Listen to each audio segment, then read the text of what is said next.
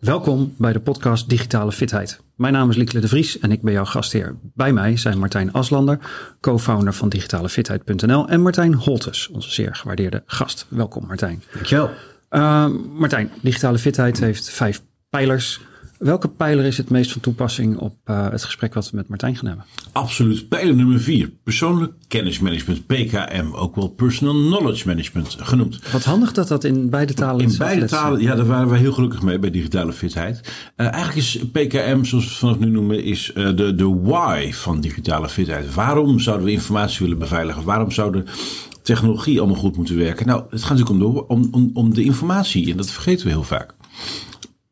Kennismanagement is een term die eigenlijk veel gebruikt werd door grote corporates. Als wij nou als Philips weten wat Philips allemaal weet, gaat het beter met Philips. En dat klopt. Maar geef mensen een tool die traag is in het gebruik, waar je geen acuut persoonlijk voordeel van hebt.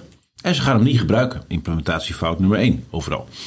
Dus kennismunt is eigenlijk overal gefaald, omdat het conceptueel wel mooi was, maar niet praktisch te maken was voor individuele medewerkers.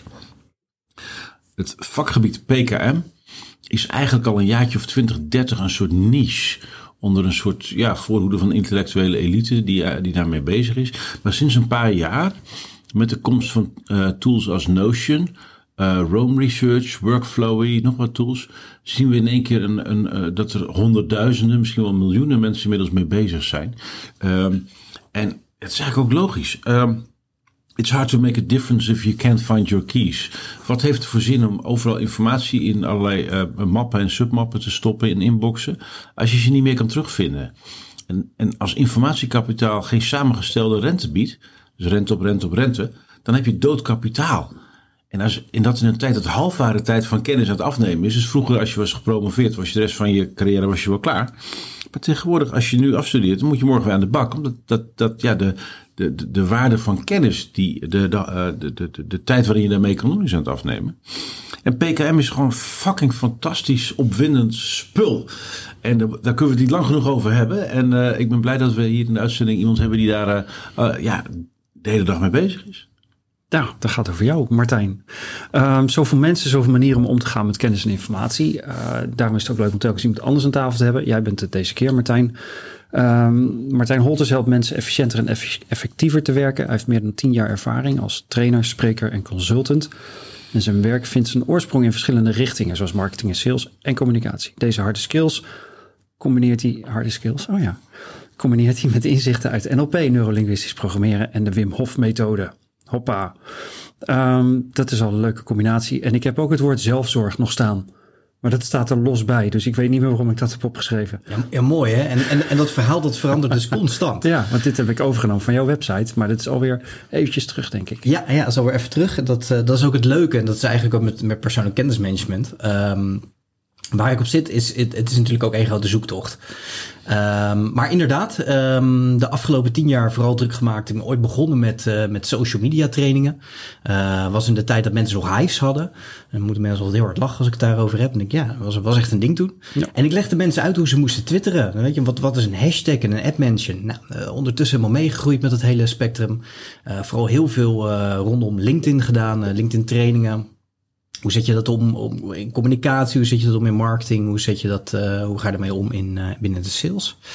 En eigenlijk drie jaar geleden een soort van shift gemaakt. Omdat ik merkte van nou, dat is allemaal hartstikke gaaf. Uh, ook helemaal niks mis mee.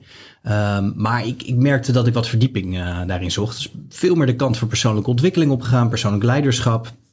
Nou, ga je eigenlijk het standaard, ja, ik noem het tegenwoordig maar, het standaard dingetje doen. Dan ga je naar Tony Robbins en je luistert alle podcasts en je, luistert, je, je leest de boeken die je daarvoor moet lezen. En uh, nou, gedurende die periode um, ja, ook eigenlijk veel meer gedoken in wat maakt, wat is nou het verschil, wat het verschil mm-hmm. maakt. Dat vond ik altijd wel heel erg interessant. Um, dus zodoende ben ik nu inderdaad steeds meer bezig om die, ja, ik noem dat maar de harde skills. Hè? Dus, dus hoe doen we marketing, hoe doen we sales, hoe doen we communicatie? Ja, om dat af te wisselen met, met de wat softere kant. Uh, nou, inderdaad, je zei het al, NLP, neurolinguistisch programmeren. Uh, eigenlijk wat, wat zo iemand als Tony Robbins uh, in het groot doet. Um, maar ook inderdaad de Wim Hof methode. Uh, voor de mensen die, de meeste mensen weten wel in Nederland wie dat is. Maar met de Iceman, dus die is vooral bekend geworden door zijn methode met um, ijs, ademhaling. En dat is vooral zijn ding. Mm -hmm. ik ben een van zijn gecertificeerde trainers. is eigenlijk een, een, een brug slaan tussen ja, wat, wat, wat doen kenniswerkers echt op de vloer? Hè? Dus de, de, de, hoe ga je om met je computer? Um, maar afgewisseld ook met ja, een stukje state, noem ik het altijd maar. Mindset, dat is zo'n uitgekoud woord geworden. Uh, maar ja, in welk, welke staat van zijn zit je? Hè? Okay, je kan alle ja. tools leren, je kan alle strategieën leren, is allemaal super gaaf. Maar ja, als je nog steeds zo gestrest als ik weet niet wat achter de computer zit, ja, dan, dan gaat het allemaal niet zoveel zin hebben. Nee. Oké, okay, dat is een interessante combi. Ik, ja, ik, ik viel, viel niet over, maar ik moest even lachen om, om harde skills. Um, alsof uh, uh, uh, wat Wim Hof doet en wat je met neurolinguistisch programmeren doet, niet ook gewoon heel erg tastbaar kan zijn in je Zeker. leven natuurlijk. Hè? Ja, ja. Um, maar de, de, het, wat je, je verhaal vertelt, zoals je het vertelt, is ook van, het gaat ook heel erg over waarom doe je de dingen eigenlijk die je doet. Uh, heb, je, heb je voor jezelf door uh, waar je naartoe je op weg bent, waar je vandaan komt? Uh, ja. Snap je eigen reflexen misschien wel? breng je jezelf in de beste plek, in de beste situatie om goed werk te doen? Ja, ja. nou precies. En het, het, hele PKM-stuk ehm, ben ik ook wel nou behoorlijk beïnvloed door een, een, een welbekende naam in die scene, Thiago Forte. Ik heb ook zijn, uh, zijn Building a Second Brain course gedaan.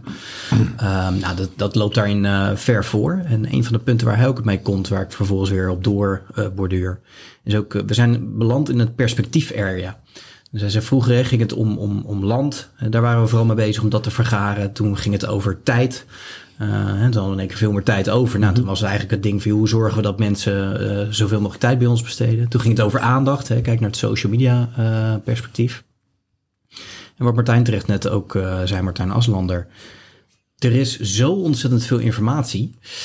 En het ding waar we nu eigenlijk in balans zijn, is wat is het perspectief wat jij op die informatie hebt? He, dus we kunnen alles googlen. Uh, als we het hebben ook over persoonlijk kennismanagement, heb ik ook vaak, uh, krijg ik vaak de vraag, ja, maar waarom zou ik dat in een second brain uh, opslaan? Hè? Dus in een Notion of een Rome Research of noem ze maar op. Dus het is online altijd terug te vinden. Ja, ik kan toch ook gewoon googlen.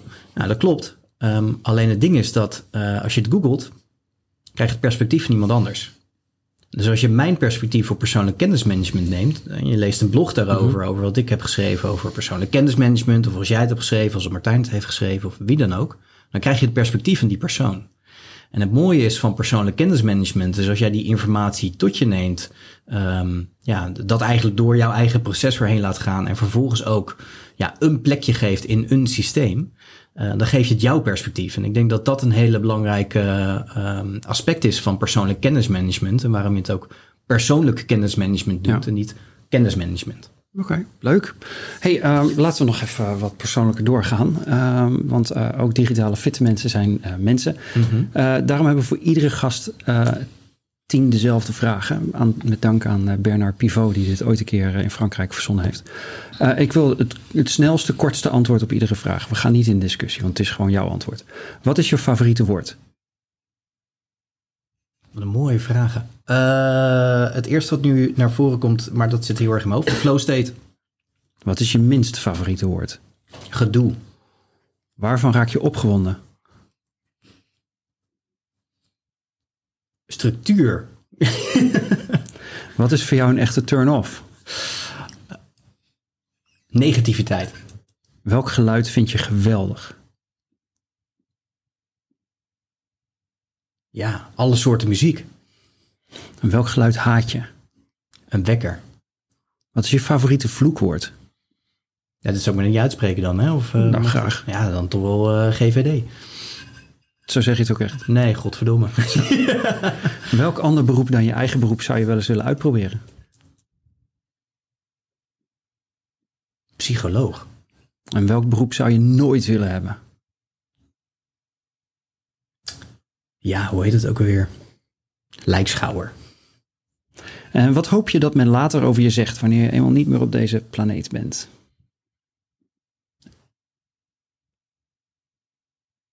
Zo, dat is een uh, uh, jeetje. Nou, snelste antwoord. Um, hij heeft veel bijgedragen. Dankjewel. Hey, um, we gaan er verder niet op in, want het zijn jouw antwoorden. Uh, dus we gaan gewoon weer terug naar onze, onze inhoud. Ben jij, vind jij jezelf digitaal fit? Ja, wanneer ben je digitaal fit? Maar uh, ja, als ik kijk naar de pijlers zoals die gedefinieerd zijn door digitale uh, fit, uh, fitheid, ja, acht ik mijzelf wel digitaal fit. Sorry, nou, dat was een korter antwoord. Ik was nog een slokje aan het drinken. um, en en um, hoe denk je dan dat het gesteld is met jouw informatie liquiditeit? Ja, um, we hadden net uh, heel grappig met jullie uh, een andere gast uit de podcast. Daar was, zij maakte de opmerking: mannen die, die schatten zichzelf dat hoger in. Toen dacht ik, dat is leuk, want meestal is dat ook wel zo. maar ik schat mezelf er wat op het geval wat lager in. Dus ik denk dat het met mijn informatieliquiditeit vind ik niet zo heel erg perfect. Maar ik denk als een ander daarnaar zou kijken, die zou denken: nou, jij hebt je spullen goed op orde. Oké, dus dat is dus een soort van bescheidenheid, maar ook een wens om het nog weer beter te kunnen doen. Ik heb altijd de wens om het, om het beter te kunnen, te kunnen doen. Ja, om, uh, om te kijken wat, wat kan hier nog in verbeterd worden. Uh, ik heb er laatst een hele mooie test voor gedaan. Uh, de Clifton Strength test. Mijn eerste kernkwaliteit is hersteldrang. En mijn vierde is discipline. Nou, als je die twee bij elkaar gooit, dan uh, is het heel grappig. Gooi mij ergens op een plek waar het één grote bende is. En het eerste wat ik ga doen is opruimen. Ja. Dus um, ja, ja, dus ik ben altijd bezig om dingen beter te maken of te kijken wat kunnen we hier nog beter maken dan, dan dat het nu is. En, en wat zijn nou over discipline? Was dat je vierde kernkracht of juist? Vierde, ja, vierde ja, kernkwaliteit. Okay. Ja. Want um, uh, daar hadden we het met diezelfde gast volgens mij ook over. Het is één ding om een systeem in elkaar te zetten. Het is mm. een ander ding om het te onderhouden en, en keurig de discipline op te brengen om ja. alles te doen wat erbij hoort. Ja. Uh, kon je dat altijd al? Nee, nee, nee. Ik uh, ben uh, van, van, van oorsprong ben ik liever lui dan moe. Um, dus ik heb ook, uh, mijn school heb ik behalve echt een sloffen gedaan en ik kon een makkelijk een niveautje hoger, maar ik dacht, nou, het is wel prima zo. Uh, dus nee, ik heb, ik heb van, van nature, dus eigenlijk altijd met dingen waar je, waar je goed in wordt of bent, uh, zie je heel vaak, of tenminste, merk ik, dat zijn dingen waar ik eigenlijk best wel slecht in ben. En ik heb die discipline de afgelopen, nou wat zullen we zeggen, de afgelopen tien jaar heb ik dat wel steeds meer, uh, meer ontwikkeld. Um, ik ben nu ook al elf jaar ondernemer, dus ja, goed, dan moet je ook ergens wel een keer gaan zeggen van goh, uh, aan de bak nu. Um, maar ik heb het eigenlijk pas een, ja, de laatste paar jaar gewoon een tandje hoger gekregen. Met name door ook een aantal challenges die ik heb gedaan. Um, Zo'n zo internet challenge die op dit moment rondgaat, 75 hard. Uh, nou, allerlei zaken gedaan om wel voor te zorgen dat die discipline ook wel steeds hoger wordt. Ja, ja. Okay. Um, uh, en en um, mag ik weten welke andere twee vaardigheden daartussenin zaten? Want je had het nu over de eerste en de vierde, of weet je nu even niet zo snel uit je hoofd? Ja, maar daarvoor hebben we natuurlijk een, een, een second brain. Dus ik ga ondertussen, as we speak, ga ik even voor je kijken. Uh, maar dat was in ieder geval uh, samenhorigheid. De exacte details maken niet zo heel erg veel uit. Het is in ieder geval samenhorigheid. Dus waar het eigenlijk op neerkomt en hoe ik naar deze testen kijk, is als je kijkt ook naar hoe we ons werk hebben ingericht, moeten sommige mensen dingen doen die, die ze vanuit hun kern eigenlijk niet zo goed kunnen. Het idee vind ik achter deze test is heel sterk. Als je weet wat je kernkwaliteiten zijn, dan weet je ook joh, waar moet je mij bijroepen, bij welk project bij welke werkzaamheden en waar, moet je dat absoluut niet doen. Nou, mijn kernkwaliteiten, de eerste vijf, die komen er eigenlijk op neer dat ik nogal van de structuur ben. Uh, en dan niet op een autistische manier, maar wel dat ik denk van nou, hè, uh, ja, als we dingen gaan doen, dan moet er ook een structuur achter zitten. Uh, eigenlijk wat jullie vorige gast ook aangaf. Je kan een mooi systeem bouwen, maar als je het niet onderhoudt, dan valt het uit elkaar en dan heb je het eigenlijk, mm -hmm. eigenlijk voor niks. Um, ander punt waar ik op zit, uh, die kernkwaliteiten, is bijvoorbeeld saamhorigheid. Um, dus ik vind het heel belangrijk dat iedereen ook mee kan doen. Uh, dus als we met elkaar een project gaan beginnen en iemand zit in een hoekje, of die, ja, dan is mijn eerste reactie, die ga ik erbij betrekken, op wat voor manier dan ook. Uh, maar dan wel gecombineerd weer met, met een stukje discipline. Waarbij ik zeg, joh, ik ga je helpen, maar je moet het uiteindelijk wel zelf doen. Hè? Mm -hmm. Dus ik ga je niet, uh, ik ga niet al het werk voor je doen. Uh, de exacte lijst zou ik wel even voor je bij kunnen toveren, als je die weet. Maar dat, is, dat is ongeveer waar, het, waar ja. bij mij de eerste vijf zit. Um, dat samenwerken in relatie tot persoonlijk kennismanagement, die vind ik interessant. Want mm -hmm. je kunt het voor jezelf gaan, zo goed mogelijk gaan doen. Ja. Maar we zijn uh, allemaal niet alleen op deze wereld. We hebben heel veel dingen samen te doen. Um, hoe, uh, hoe, ja, hoe, hoe, kijk je daarnaar als het gaat over persoonlijk kennismanagement? Ja, kijk, je kan heel snel hier in de details. Hè, dus welke, welke moet je je Notion of je Roam Research of je Evernote of whatever je gebruikt, moet je dat aan elkaar gaan koppelen? Dat zou kunnen. Waar, waar ik het met name in zie is persoonlijk kennismanagement doe je niet voor jezelf of niet alleen voor jezelf. Hij zit voor mij heel erg in dat perspectief. Dus op het moment dat wij alle twee ons persoonlijk kennismanagement, of second brain, of wat voor naam je er ook aan wil geven. Als je, als je kijkt joh, we hebben allemaal ons persoonlijk kennismanagement systeem op orde. En we pakken een probleem, we gooien het op tafel. Dan kunnen we vanuit ons perspectief naar uh, dat probleem gaan kijken. Ook op basis van de kennis die we hebben, uh, hebben ja, vervaardigd. Uh, dus daar zit voor mij echt, echt het stukje persoonlijk kennismanagement in combinatie met samenwerken. Um, zou je bijvoorbeeld kunnen zeggen van nou, hè, kan je toegang geven tot mijn Notion-account, maar waarschijnlijk kan je niet vreselijk veel soep van koken en andersom ja ook niet, omdat ik het perspectief mis van wat, jou, wat jij erachter hebt. Dus zo zie ik persoonlijk kennismanagement in, uh, in combinatie met samenwerken. In een ideale wereld, of in een ideale werkwereld, zou ik zeggen, iedereen heeft zijn persoonlijk kennismanagement. En we kunnen daarop terugvallen op het moment dat we die kennis die we de ja, afgelopen jaren hebben vervaardigd, vervaardigd opgeslagen en, en, en onderzocht. Uh, dat we vanuit ons eigen perspectief daar naar kunnen kijken en op die manier met oplossingen kunnen komen. Want ja, uiteindelijk zullen we voor oplossingen hebben we toch elkaar nodig. Um, ja, dus, dus dat is de manier waarop ik kijk naar persoonlijk kennismanagement in combinatie met samenwerken. Ja, uh, Martijn, uh, we hebben het met Martijn over digitale fitheid uh, en ook over um, goed voor jezelf zorgen. de Wim Hof methode, NLP's en ook dingen die heel specifiek met je, met je leven, hoe je je gedraagt te maken hebt. hoe zit dat in de doctrine van de informatie? Uh, van de digitale fitheid? Nou daar hebben we natuurlijk pijler 5. Um, en om te beginnen hebben we gezegd van we weten dat er een verband bestaat tussen fysieke fitheid en mentale fitheid. Dat iemand die posttraumatische stress heeft of een depressie of uh, een angststoornis, dat gaat uiteindelijk uh, je, in je lijf zitten en dan gaat je gezondheid naar beneden. Als je mentaal fit wil blijven en je kijkt meer dan vier uur per dag naar een scherm voor je werk, vaak zittend overigens, uh, dan moet je ook digitaal fit zijn. Daar kwam het vandaan. Dus wij vinden dat er een verband bestaat tussen digitale fitheid en mentale fitheid. De vijfde pijler van digitale fitheid, want we hebben het hier nu vooral gehad over pijler 4, dat is de informatiekant. Je, je eigen kennis vastleggen, kunnen terugvinden en kunnen delen. De vijfde pijler is technologie gebruiken voor je eigen ontwikkeling en groei. En daar zitten elementen in uit de quantified self-beweging, elementen uit de biohacking movement, waar we allemaal bij betrokken zijn. Dus dat, dat ligt hier tegenaan. Uh, als je iets wil verbeteren in je leven, als je niet weet wat de, de baseline is, wat nul is, wat het gewenste resultaat is, ja, dan eens weten. En ik ben niet, dat is niet heilig, hè? Dus dat, gaat niet altijd op. Uh, moet ook hebben, dingen als intuïtie en zo waarderen. Maar een stappenteller, een, een bullet journal, een weekly review. Uh, je kunt op allerlei manieren technologie gebruiken om je te helpen focussen, om ergens aandacht aan te hebben, om je ergens aan te herinneren vooral. Om ergens structuur in aan te bieden. Mm -hmm. Dus die vijfde pijler van, van, van, digitale fitheid raakt op alle mogelijke manieren aan ja, fysieke en mentale fitheid. en, en, en self-care, zeg maar. en die van mij betreft nauw verbonden met pijler 4. Want daar verga je kennis en informatie over. Ja, hoe zit het? Wat moet je doen? Waar kun je over mm -hmm. nadenken? Waar kun je rekening mee houden? En met de skills die je, die je hebt ontwikkeld in pijler 5, kun je jezelf een schop onder de kont geven en je leven een kant op sturen. Ja, dat, ja want uiteindelijk gaat het om gedrag.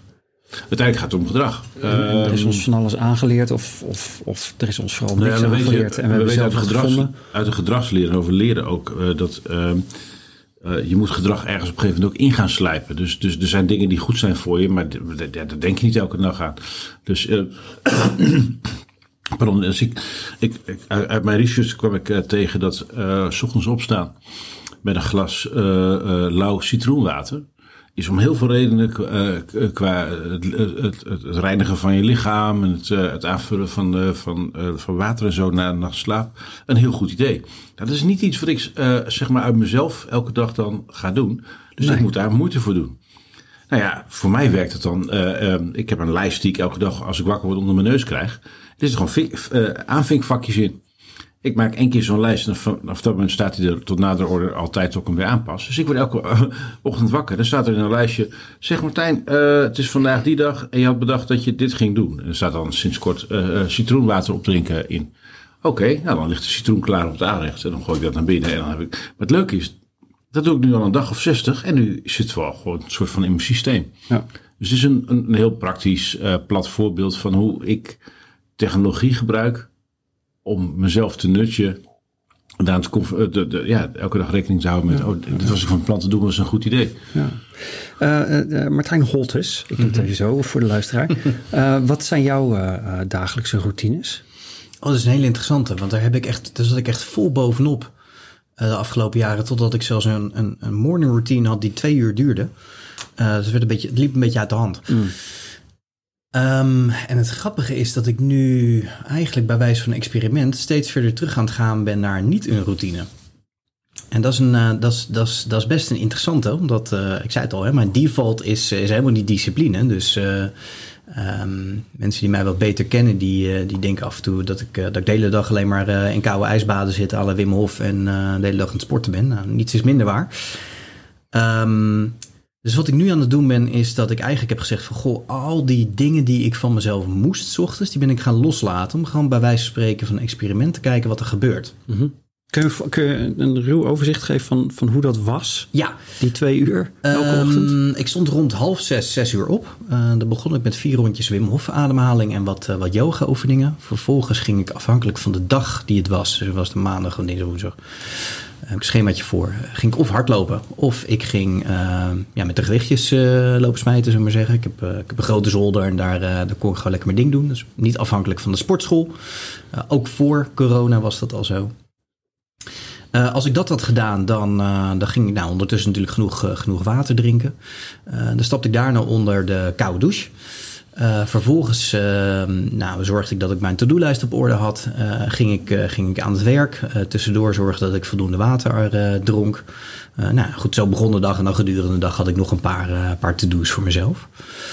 Um, nou, de, de, de, nog weer aangevuld met wat, wat, wat extra meditatie. Ik heb een tijdje de, de priming oefening van Tony Robbins gedaan. Nou, van alles en nog wat geprobeerd. Maar uh, in de basis kwam dat eigenlijk wel op neer. Van, nou, s ochtends uh, iets met ademhaling.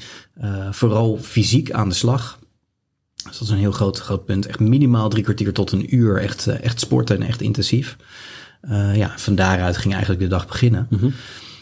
Wat ik nu aan het doen ben, is dat ik eigenlijk tegen mezelf zeg van nou, ik, ik, ik word ochtends wakker en het eerste wat ik, uh, wat ik check is van joh, hoe, nou klinkt een beetje gek, maar hoe, hoe lig ik erbij? Hè?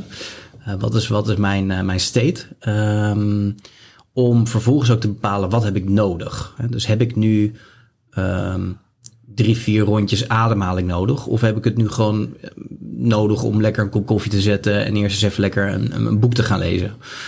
Um, een boek waar, waar ik iets van leer. Uh, of, of vind ik het fijn omdat ik een hele drukke volle werkdag heb om eigenlijk meteen alvast even een uur te werken. Mm-hmm. En van daaruit gewoon uh, te zeggen van joh, ik, uh, ik ga aankleden. Dus ik heb die structuur wat meer losgelaten. Ja. Wat ik wel merk, uh, is dat, dat zeg maar, mijn default is nu niet, ik uh, ga boterhammen met Nutella zitten wegwerken en uh, zit vervolgens uh, vijf uur nieuws te kijken. Dus wat Martijn het al zei van, hè, met het citroenwater. Um, als het eenmaal in je systeem zit, of in ieder geval voor een stukje, dan kan je dat ook wel weer een beetje loslaten.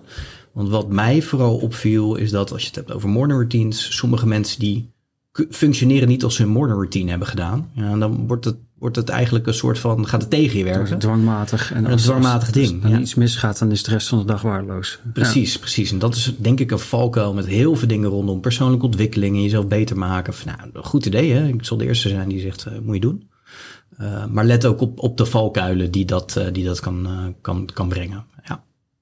Want die, die, daar hebben we het in de podcast ondertussen vaak genoeg over gehad. Hè? In de wereld van die digitale dingen zijn er onnoemelijk veel leuke apps en, en methodieken die, die, heel, die je heel snel heel enthousiast kunnen maken om te denken, ja, dat wil ik. En dan is, ligt de teleurstelling natuurlijk op, de, op de loer. Dat de eerste keer dat het net niet helemaal gaat zoals je hoopt. Dan, uh, dan heb je al die eerste dreun ja, te pakken. Ja, dat klopt. Aan de andere kant het is een fallback systeem. Je moet ook uh, uh, nieuwe dingen uitproberen. Mhm. Mm-hmm. Ja. En, en, dingen inslijpen. Dus als je een gewoonte kunt maken van nieuwe gewoontes aanleren. Dat is wel een beetje meta, Martijn. Ja, maar dat, de digitale fitheid is natuurlijk hartstikke meta, Liekle. Ja, ja. ja, nou, ik denk dat het ook gewoon kijken is, wat heb je nodig? Dat, hè, want dat, dat zei je dat, net ook. ja. Je, je doet het niet alleen maar omdat je bedacht hebt dat het moet, maar je begint ook op een gegeven moment gevoel te krijgen voor is dit het moment? Of Ja. zou ik beter iets anders kunnen doen? Ja. Of minder of meer? Ja, ja ik heb het opgepikt in een, uh, in een andere podcast. Daar zat Casper van der Meulen in, een uh, vrij bekende.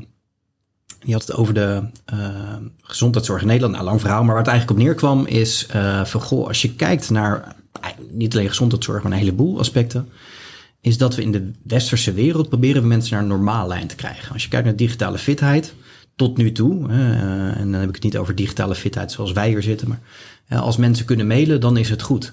Dus als ze mee kunnen doen, dan is het goed. En het grappige is, er zit nog iets boven de normaallijn. Kijk je naar, naar mensen met een burn-out, uh, nou, die mogen dan even rust pakken, dan krijgen ze begeleiding en dan ja, gaan we door tot het moment dat ze weer kunnen functioneren. En dan stopt het vaak. Alleen wat het leuke is, er zit nog een niveau boven. Er zit nog een niveau boven van optimalisatie en er zit zelfs een niveau boven van uh, zelfexpressie. Mm En op het moment dat jij onder de normaallijn zit, dus als je geen morning routine hebt en je doet allemaal dingen nou, die in ieder geval niet bijdragen aan waar jij naartoe wil. Hè? Ja, wie ben ik om te zeggen of iets goed of fout is? Maar als het niet bijdraagt aan waar je naartoe wil, dan zit je onder de normaallijn. En dan is het een heel goed idee om door middel van discipline of bepaalde routines, hè, zoals Martijn eh, Aslander net al uitlegde, om ervoor te zorgen dat je op die normaallijn komt. Alleen als je daar stopt, ja, dan zak je vrij snel weer onder die normaallijn. En het interessante, dus ook een beetje wat ik probeer te implementeren in het werk wat ik nu aan het doen ben. Veel, hebben we persoonlijk kennismanagement nodig? Nou, nee, ja, eigenlijk nee, nee, niet per se. Hè. Je kan het prima functioneren zonder. Maar wil jij boven die normaallijn komen, wil je richting de optimalisatie van je kennis, uh, of wil je daar nog verder boven, ja, dan wordt het interessant om dat soort zaken te gaan bekijken. En, en um, die optimalisatie en dat niveau verhogen, is dat dan iets omdat, omdat we altijd maar streven naar groter, beter, meer? Of levert het ook andere dingen op? Ja, ik vind dat een hele mooie uitdrukking. Is, is alles in het universum groeit of is dood? En er zit niks tussenin. We staan niet stil. heel misschien kwallen. Ja, weet ik eigenlijk niet. Nee, ja, nou, straks les opzoeken. Het staat niet in mijn, in, mijn, in, mijn, in mijn second brain. I don't know. Nou, wacht, wacht eens even. Je zegt van, ja, hebben we PKM wel of niet nodig? Um, um, als Microsoft onderzoekt dat we ongeveer um, ehm, 260 uur per jaar bezig zijn met zoeken. En we zijn volgens het uh, boek Het Geheugenpaleis van Joshua Voer, zijn we ook nog eens 40 dagen per, per jaar aan het compenseren voor wat we zijn vergeten. Ja. Ja, dan kun je natuurlijk gewoon zeggen, who cares? En dat, ik bedoel, dat doet ook iedereen, dus dat is niet erg. Dat maar, is, dat is maar, maar, maar ja. even, wat heeft een, een leiderschapscursus voor zin? Of een zin, zinsgevingsretreat zin? Als je vervolgens weer vier, vijf uur per dag naar een scherm zit te loeren, uh, waarbij je de skills ontbeert. En waarbij je de hele tijd opnieuw uh, dingen opnieuw gaat doen, omdat je niet meer weet waar je het gelaten hebt en het kan terugvinden. Ja. Dus dus er is zeker wel wat te zeggen, uh, ook maatschappelijk uh, en ook economisch voor, voor PKM. Ja. Uh, op het moment dat, dat mensen een groot deel van hun werkende dag kwijt zijn aan echt gefrustreerd raken over dingen die stroperig gaan, terwijl het niet hoeft als je bij je informatie zou kunnen. Ja. wat ik al eerder zei in een vorige uitzending. We hebben afgelopen 40 jaar zo'n paar duizend miljard gestopt in IT. En het lijkt er echt op dat we de, de, het geld is naar de tegengaan. We zijn de I vergeten. Dus die informatiegeletterdheid, die voor mij samenhangt met dat PKM, die is gewoon nihil. Ja. En, uh, en dan is het in één keer, wat mij betreft, niet uh, uh, ja, leuk voor erbij, maar chefzagger. Ja, nou dat is de vraag, waar ligt de normaallijn? En wij komen er natuurlijk nu steeds maar achter dat die normaallijn op een hele andere plek ligt dan waar we, waar we dachten dat die was. Ja, want normaal is een soort van grootste gemene deler. En dat is dus niet bepaald heel erg verheffend niveau of zo. Dat is inderdaad net in staat zijn om te mailen. Uh, maar dat is dan een hele gebrekkige manier van navigeren door het informatielandschap. Ja, nou, ik vergelijk het wel eens. Kijk, uh, wie gaat er met, met paard en wagen naar zijn werk? Ja, dat doen we ook niet. En of je nou op de fiets gaat of, of whatever. Dus, dus ergens hebben we ook een, een bedacht van... goh, een, een fiets of een trein of een auto is, is effectiever. Uh, en ik denk dat dat ook, ook geldt voor het hele persoonlijk kennismanagement. Hè. Veel mensen, voor veel mensen is dat een nieuw vakgebied. Dus die denken, ja, ja heb ik dat nou per se nodig? Nou, als je dan gaat kijken, ja, maar waar, waar leggen we die normaallijn? Nou ja, die ligt dus, hè, wat we met elkaar hebben bedacht wat de normaallijn is. Ja, eigenlijk ligt die, dat is niet de normaallijn. Hij zou ja. eigenlijk veel hoger moeten liggen. Ja. Want, nou, hè, pak de cijfers die Martijn net vertelt. Ja, we zijn, we zijn ontzettend veel, veel tijd en, en geld aan het verkwisten. En dat, ja, dat kan denk ik een heel stuk slimmer. Ja, tijd, geld en, en heel veel van onze eigen energie, denk ik ook. Ja, 100%. Dat je, je moet het allemaal maar wel doen. En het zijn niet de meest motiverende uren van je, van je werkjaar, denk ik. Uh, als je weer aan het zoeken bent en uh, dingen aan het terugvinden en dan denkt, ach shit. Maar wat stom is, nou, we zijn het al normaal gaan vinden. Ja. En we doen werk dubbel omdat we het gewoon niet, goed, niet meer weten waar, waar het stukje is. Ah, begin wel opnieuw met die lijst te typen. Dat je denkt, Uh, nee, ho hoezo? Hey, ja, dan is de vraag, hoeveel uur wil je investeren? Uh, qua het opzetten, maar ook het onderhoud. Uh, stel je kunt 100 uur besparen. Dan zou je op zich kunnen zeggen dat je daar 99 uur in zou kunnen investeren om dat, om dat uur te besparen. Ja, ja.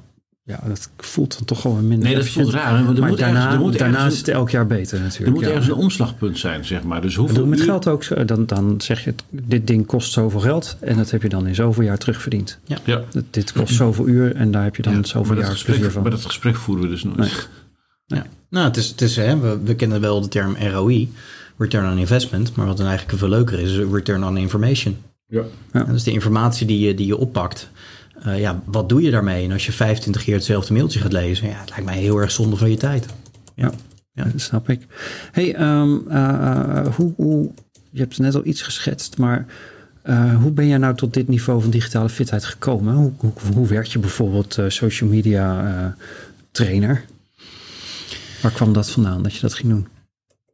Ja, ik, ik, heb, ehm, ik had heel lang ehm, de droom om mijn eigen horecazaak te starten. Ook tijd in de horeca gezeten, ooit nog eens een keer in de top 100 beste bartenders van Nederland gestaan. Een cocktailbartending gedaan, nou, allemaal eh, flitsende, flitsende dingen. Eh, het was 2010, even goed zeggen 2010, 2011. En ik wou altijd al mijn eigen bedrijf. Nou, de horecazaak moet je gewoon heel veel geld te stoppen. En dan is nog de vraag, hè, hoe goede ondernemer je ook bent, of je dat gaat redden.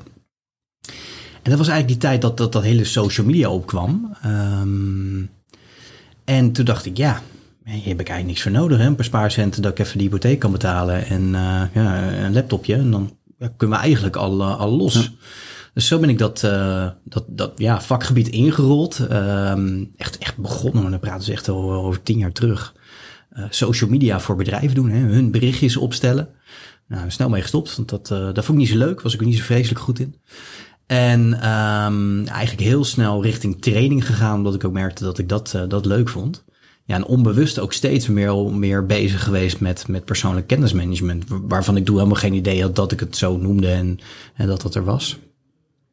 Ehm, maar dat is, een, dat is een beetje hoe ik dat, eh, ja, die kant op ben, eh, ben gerold. Eh, ja, en persoonlijk kennismanagement, dat is echt iets van het, van het laatste jaar wat ik, waar ik verlopen, waar, ik- ja, waar ik echt al heel erg ver in ben gelopen. Zie, zie, zie je voor, voor jouw jongeren zelf, de, de bartender, ook nog wel eh, waarde in persoonlijk kennismanagement? Ik denk dat persoonlijk kennismanagement is per definitie voor iedereen interessant. Uh, ook als je ge- gepensioneerd bent en denkt, joh, ik werk helemaal niet meer. Ehm, omdat nogmaals, het gaat om, om jouw perspectief en jouw visie op de wereld. Ik vind dat een hele sterke uitspraak van, van uh, welbekend David Allen. Uh, your head is not made to, to keep things, your head is made for creativity. Dus, dus ja, dat, dat onthouden van dingen, dat moet je ten dele, uh, moet je dat in een, in een systeem zetten.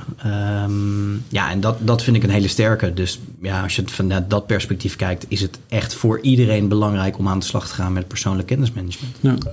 Hoeveel, wat is jouw inschatting? Hoe groot is deze beweging wereldwijd? Uh, mijn inschatting is, als ik kijk naar de gebruikers van uh, Workflowy en Rome en Notion bij elkaar. Niet iedereen zal met die terminologie ernaar kijken, maar over wat voor aantallen hebben we het gevoelsmatig? Ja, dat is een hele goede vraag, uh, Martijn. Um, maar ik denk dat, het, dat de manier waarop wij er naar kijken, dat, dat, dat zijn nog niet vreselijk veel mensen, maar het gaat wel heel hard, omdat uh, ja, massaal wordt iedereen toch wel wakker. Mm -hmm. Als je kijkt naar, naar de adaptatie van bijvoorbeeld een Nome van Rome Research, uh, Rome Research of, of Notion, sorry, ten opzichte van Evernote. Ja, tenzij is hier niet paraat, maar ik kan me zo voorstellen dat uh, Notion en Rome Research heel snel, veel sneller, richting een x-aantal gebruikers gaan, waar, waar Evernote bijvoorbeeld veel langer over heeft gedaan. Maar goed, dat, dat is even een aanname die ik hier uh, ja, ter plekke je, doe. Je trekt het perspectief wereldwijd. Um, is het ook cultureel heel erg bepaald? Is dit een westers uh, cultuurding?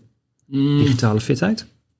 Zou digitale fitheid? Vraag ik aan uh, nou ja, digitale fitheid, dat even, want, ja, dat hebben we natuurlijk zelf bedacht, digitale fitheid. Ja. Dus dat is uh, een Nederlands ding op dit moment. In het buitenland wordt niet zo heel veel gebruikt. Uh, maar dat PKM is al jaren in de academische kringen een dingetje. Maar ik heb het gevoel dat, dat de massa nu los begint te barsten. David Allen boek in, David was eigenlijk te vroeg in 2001 hè, met zijn Done boek. En die, dat hele discours rondom uh, how to build a second brain, een digitaal exoskelet. Uh, de inzichten uit de hersenwetenschappen tegenaan. Dat, ja, uh, met, zeker met het recente werk van Kel Newport erbij. het beweegt die kant op. Ja. En um, for good reasons. En ja, mijn inschatting is dat, dat de voorhoede inmiddels nu wel uit een paar honderdduizend mensen bestaat. Als ik de Obsidian Notion Workflow in Rome gebruikers bij elkaar optel. Um, wat we verder aan het kijken van eigenlijk is. Wat interessant is aan het PKM, even, maar dan hebben we het over de, de, de, de architectuur van de, van de tools, zeg maar. Kijk, de jaren 70 kantooromgeving tools, uh, Word, Excel uh, uh, en zo, dat, die staan er liggende A4'tjes, dat hebben we nu al gehad. Ik realiseer me dat de massa er nog mee werkt hoor, maar conceptueel weten we altijd van vroeger. Dan kijk je naar uh, OneNote en naar Evernote en Google Keep. Die zijn eigenlijk gebaseerd, los van de slimme dingetjes als OCR en zo wat eraan vast zit. Uh, bij, bij, Evernote heb je een stack, een stapel. En daarna heb je mappen. Dus je kunt, en daaronder heb je documenten of items. That's it. Ja, dus dat is weer dat, diezelfde referentie het, naar het, fysieke documenten. Ja, en wat je nu ziet is dat de, uh, dat heb ik ooit in het, in het artikel uh, voorbij het dogma van het document genoemd. We gaan op, op een veel atomairder niveau naar blokjes informatie, naar snippets kijken. En programmeurs doen het al jaren. Hè. Die gebruiken stukjes code en hergebruiken ze van alles en nog wat. Dan kun je sneller programmeren. Dat is een goed idee. Zo is lifehacking trouwens ooit ontstaan. Um, maar maar dat op een uh, veel atomairder niveau naar blokjes informatie kijken en kunnen hergebruiken en snel kunnen vinden en pakken. Dat is eigenlijk een van de kerndingen binnen dat hele PKM gebeuren. En de software is pas sinds een paar jaar geschikt om dat snel en makkelijk en intuïtief te doen. Waarbij we voorbij dat concept van die mappen, submappen en documenten springen. Ja. Uh, en als ik zie de gretigheid waarmee mensen dit wereldwijd oppakken. En zeggen, oh, dit had ik echt tig jaar eerder moeten hebben. Dat is echt heel interessant. Ja. Ja, nou, ik denk ook, uh, jij, jij zei er wel van, goh, de, de tools van de afgelopen jaren. Ik ben altijd als eerste dat ik zeg van, goh, het gaat niet om de tool, het gaat om de principes. Hè? Mm -hmm. Martijn kan Evernote gebruiken, ik Notion en jij Roam Research of whatever tool. Dus natuurlijk, daar zitten wat, wat, wat randvoorwaarden aan. Um, maar ik ben absoluut geen, ik noem mezelf digitaal vaardig, maar je moet mij geen dingen laten programmeren. Dat gaat echt, dat is een heel slecht plan. Uh, geen idee waar ik moet beginnen. Um, dus wat dat betreft ben ik dan, hè, zou je het zo kunnen stellen, misschien niet digitaal vaardig, maar ik snap Notion, ik snap Roam Research, ik snap Evernote. En ik denk dat dat wel een hele belangrijke is, dat dat de reden is dat je het nu met zo'n sneltreinvaart ziet gaan. Ja, je moet je even verdiepen in die tools, maar het is, je hoeft er niet een, een universitaire uh, opleiding voor te hebben. Ten opzichte van bijvoorbeeld pak het in 2005, waarop je dit soort dingen ook prima had kunnen doen. Toen hadden we ook een computer. Nou ja, had je zelf veel meer moeten gaan bouwen, moet je kunnen programmeren.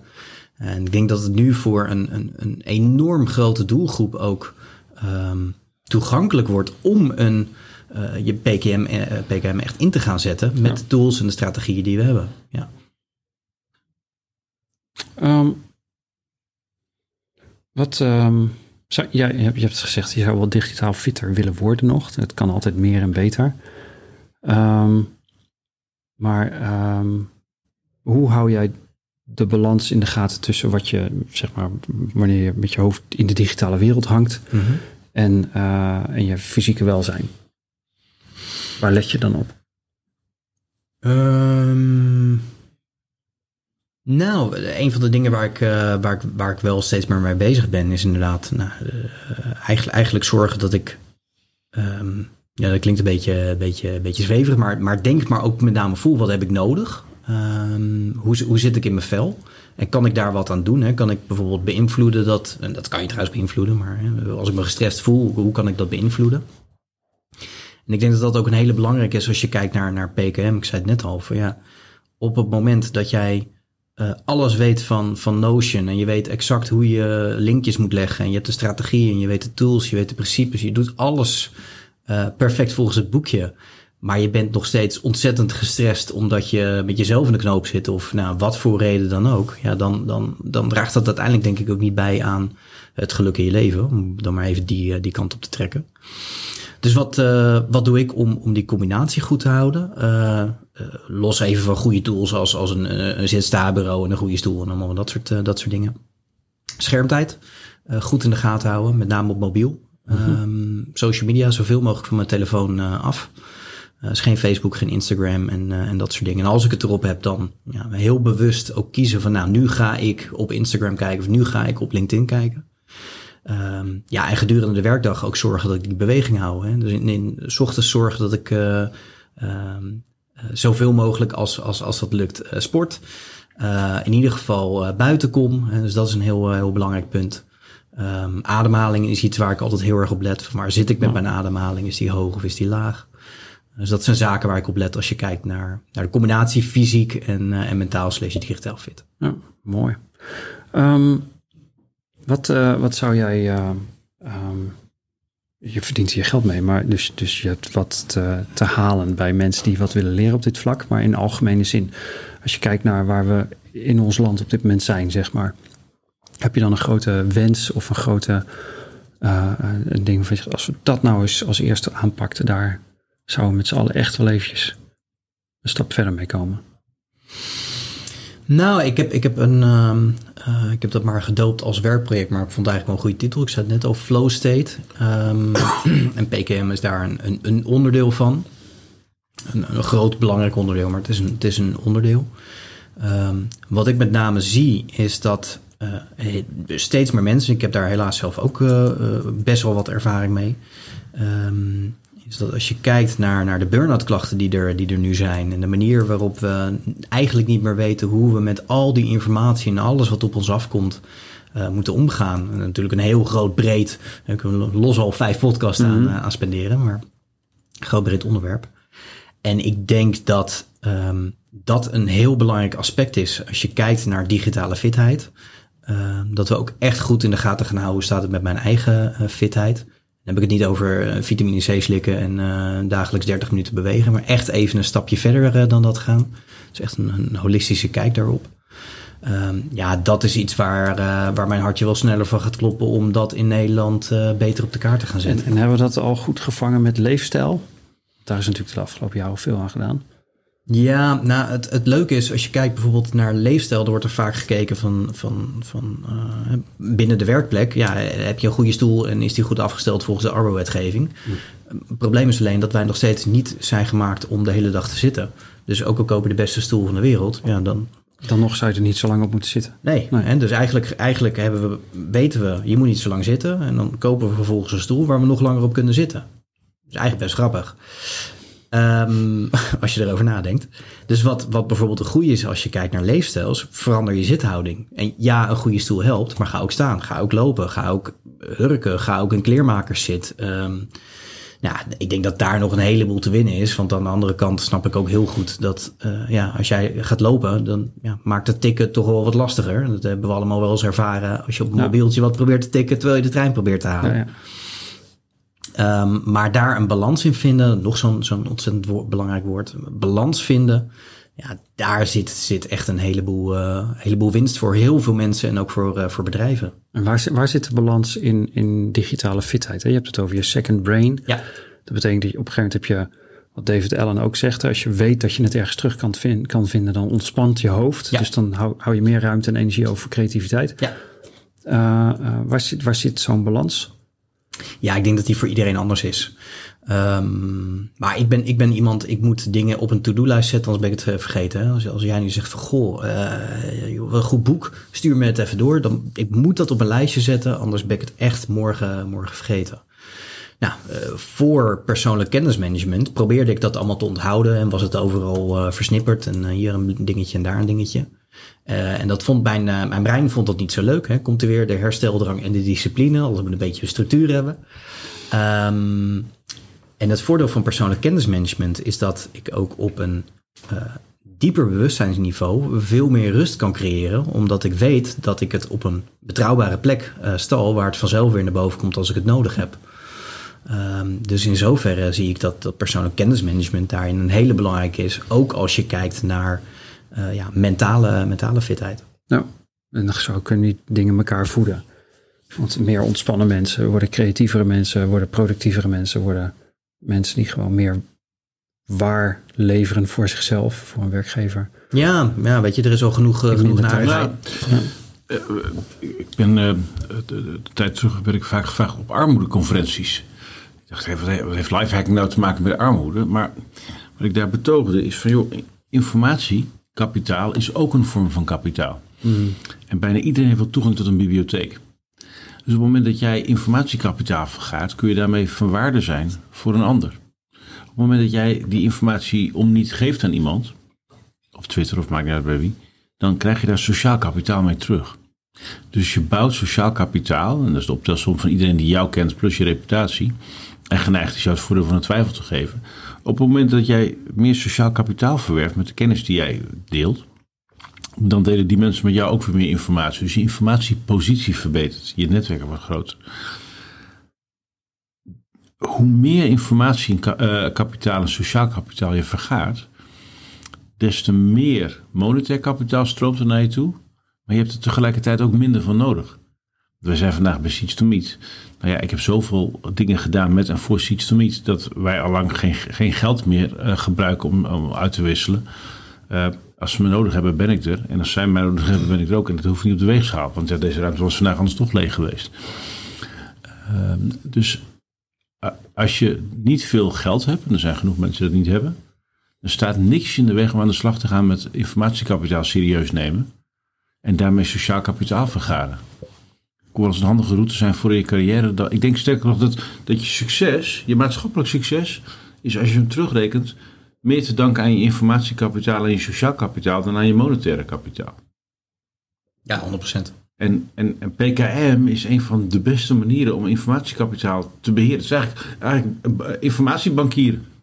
Zijn boekhoudkundig, eh, boekhouden, maar dan met informatie. Ja, precies. Die moeten we verquoten. Informatiebankieren, dat vind ik een hele mooie.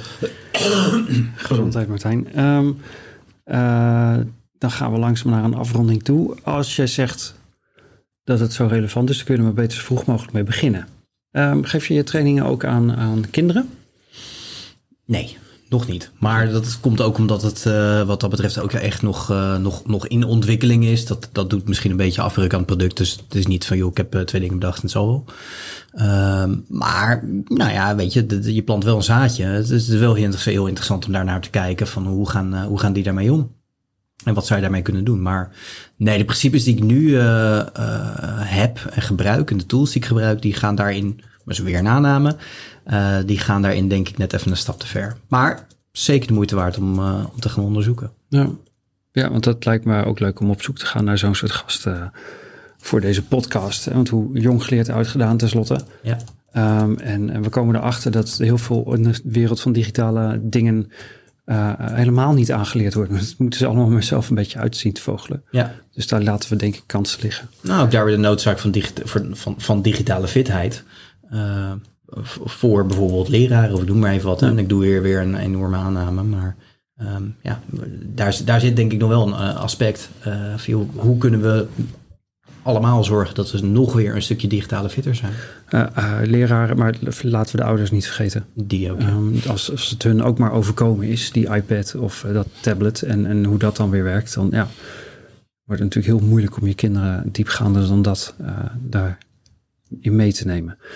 Um, die, houden we even gewoon op de rol voor een volgende Hartstikke goed. aflevering. Ja, Dan gaan we toen ik weet niet, jij was aan het begin bij toen we lifehacking ooit uh, gingen opstarten, ja. 2004, 5-achtig.